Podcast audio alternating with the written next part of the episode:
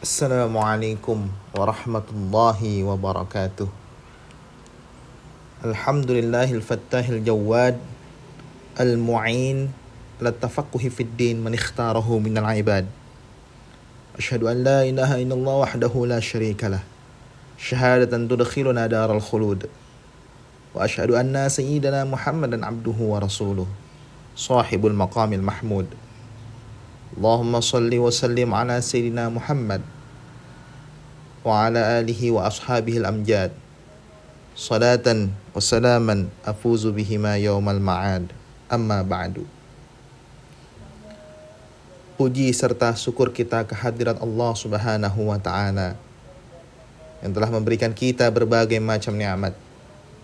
Yang jikalau apabila kita ingin menghitung akan nikmat tersebut, maka tiada pernah mampu kita untuk menghitungnya. Allah Subhanahu wa taala berfirman, "Wa in ta'uddu ni'matallahi la tuhsuha." Salawat teriring salam.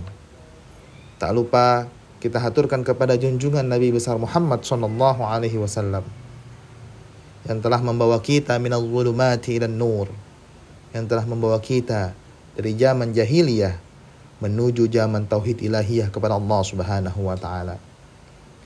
Ma'asyiral muslimin, pendengar setia SD Islam Al-Azhar 1 yang dimuliakan Allah Subhanahu wa taala. Idul Fitri tiba setelah umat Islam menjalankan ibadah wajib puasa Ramadan selama satu bulan penuh. Sepanjang bulan suci tersebut, mereka menahan lapar, haus, hubungan, dan hal-hal lain yang membatalkan puasa mulai dari terbit fajar hingga matahari terbenam. Puasa berasal dari kata somaya sumu siaman yang mana dalam bahasa Arab kata tersebut memiliki dua masdar yaitu soman dan siaman. Som diartikan sebagai menahan segala sesuatu secara mutlak apa pun yang dikatakan menahan termasuk dalam saum. Allah Subhanahu wa taala berfirman, "Inni nadartu lirrahmani sauman, falam ukallimal yauma insiyan." Yang artinya, aku nazar kepada Allah untuk menahan berbicara, maka, maka aku tidak akan berbicara hari ini kepada manusia. Kata saum pada ayat di atas diartikan sebagai menahan berbicara.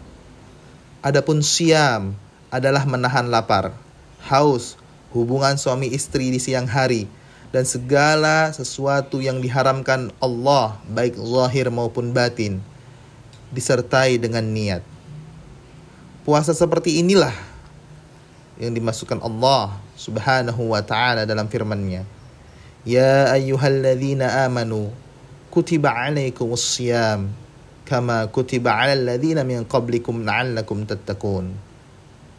Allah Subhanahu wa taala menggunakan kata siam tidak saum sebab di akhir ayat terdapat predikat takwa. Takwa merupakan standar paling tinggi tingkat kemuliaan manusia. Seberapa tinggi derajat mulia manusia tergantung pada seberapa tinggi takwanya. Dalam konteks puasa Ramadan, tentu takwa tak bisa digapai dengan sebatas menahan lapar dan dahaga. Ada yang lebih substansial yang perlu ditahan, yakni tergantungnya manusia kepada hal-hal lain selain Allah, termasuk hawa nafsu. Orang yang berpuasa dengan sungguh-sungguh akan mencegah dirinya dari segala macam perbuatan tercela seperti mengumbar syahwat, berbohong, bergunjing, merendahkan orang lain, ria, menyakiti pihak lain, dan lain sebagainya. Tanpa itu, puasa kita mungkin sah secara fikih, tapi belum tentu berharga di hadapan Allah Subhanahu wa taala. Inilah Mengapa Allah menggunakan kata siam, tidak menggunakan kata saum? Ma'asyiral muslimin, pendengar setia SD Islam Al-Azhar 1 yang dimuliakan Allah. Jika standar capaian tertinggi puasa adalah takwa, maka Tanda-tanda bahwa kita sukses melewati Ramadan pun tak lepas dari ciri-ciri muttaqin, orang-orang yang bertakwa. Semakin tinggi kualitas takwa kita, indikasi semakin tinggi pula kesuksesan kita berpuasa. Demikian juga sebaliknya, semakin hilang kualitas takwa dalam diri kita, pertanda semakin gagal kita sepanjang Ramadan. Lantas, apa saja ciri-ciri orang bertakwa? Ada beberapa ayat Al-Quran yang menjelaskan ciri-ciri orang bertakwa. Salah satu ayatnya terdapat dalam Quran Surat Ali Imran ayat 134. Allah Subhanahu wa taala berfirman, "Alladzina yunfikuna fis sarra'i wad dharra'i wal qazimina al ghaidha wal 'afina 'anil nas wallahu yuhibbul muhsinin." Yang artinya, yaitu orang-orang yang menafkahkan hartanya pada saat senang dan pada saat susah, dan orang-orang yang menahan amarahnya dan memaafkan kesalahan orang. Allah menyukai orang-orang yang berbuat kebajikan. Ayat tersebut memaparkan tiga sifat yang menjadi ciri orang bertakwa. Yang pertama, gemar menyedekahkan sebagian hartanya dalam kondisi senang maupun sulit. Orang bertakwa tidak akan sibuk hanya memikirkan dirinya sendiri. Ia mesti berjiwa sosial, menaruh empati kepada sesama, serta rela berkorban untuk orang lain dalam setiap keadaan. Bahkan, ia tidak hanya suka memberi kepada orang yang ia cintai, tapi juga kepada orang-orang yang memang membutuhkan. Dalam konteks Ramadan dan Idul Fitri, Sifat takwa pertama ini sebenarnya sudah mulai didorong oleh Islam melalui ajaran zakat fitrah. Zakat fitrah merupakan simbol bahwa rapor kelulusan puasa harus ditandai dengan mengorbankan sebagian kekayaan kita dan menaruh kepedulian kepada mereka yang lemah. Ayat tersebut menggunakan fi'il mudhari, yungfikuna, yang bermakna aktivitas itu berlangsung konstan atau terus-menerus.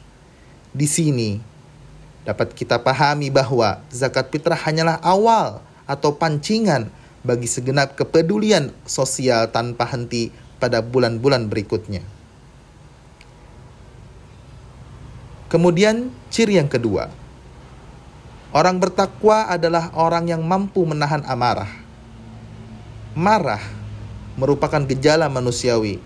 Tapi orang-orang yang bertakwa tidak akan mengumbar marah begitu saja. Al-Kazim, orang yang menahan, serumpun dengan kata Al-Kazimah, termos dalam bahasa Arab. Kedua-duanya mempunyai fungsi membendung. Yang pertama, membendung amarah. Yang kedua, membendung air panas. Selayaknya termos, orang bertakwa semestinya mampu menyembunyikan panas di dalam dadanya, sehingga orang-orang di sekitar tidak tahu bahwa ia sedang marah. Bisa jadi ia tetap marah, namun ketakwaan mencegahnya melampiaskan itu karena tahu mudarat yang bakal ditimbulkan. Termos hanya menuangkan air panas pada saat yang jelas maslahatnya dan betul-betul dibutuhkan. Patutlah pada kesempatan puasa kali ini, umat Islam mengontrol emosinya sebaik mungkin, mencegah amarah menguasai dirinya, dan bersikap kepada orang-orang pernah membuat dan bersikap kepada orang-orang yang pernah membuatnya marah secara wajar dan biasa-biasa saja. Ramadan semestinya telah melatih orang untuk berlapang dada, bijaksana, dan tetap sejuk menghadapi situasi sepanas apa pun. Dan yang terakhir, ciri yang ketiga, orang bertakwa adalah memaafkan kesalahan orang lain. Sepanjang Ramadan, umat Islam paling dianjurkan memperbanyak permohonan maaf kepada Allah Subhanahu wa taala dengan membaca Allahumma innaka afuun tuhibbul afwa fa'fu anna. Ya Allah, Engkau Maha Pengampun, menyukai orang yang minta ampun, maka ampunilah kami. Kata al-afu, maaf, diulang tiga kali dalam kalimat tersebut, menunjukkan bahwa manusia memohon dengan sangat keseriusan, memohon dengan sangat serius akan ampunan dari Allah Subhanahu wa taala. Memohon ampunan merupakan bukti kerendahan diri di hadapannya sebagai hamba yang banyak kesalahan dan tak suci. Cara ini bila dipraktikkan dengan penuh penghayatan sebenarnya melatih orang selama Ramadan tentang pentingnya maaf. Bila diri kita saja tak mungkin suci dari kesalahan, alasan apa yang kita tak mau memaafkan kesalahan orang lain? Maaf, mungkin sesuatu yang merupakan yang singkat, namun bisa terasa sangat berat karena persoalan ego, gengsi, dan unsur-unsur nafsu lainnya. Amatlah arif ulama-ulama di tanah air kita yang menciptakan tradisi bersilaturahim dan saling memaafkan pada momentum lebaran. Karena sempurnalah ketika kita usai membersihkan diri dari kesalahan-kesalahan kita kepada Allah. Selanjutnya, kita saling memaafkan kesalahan masing-masing di antara manusia. Terima kasih kami ucapkan kepada para pendengar setia STI Malazar 1.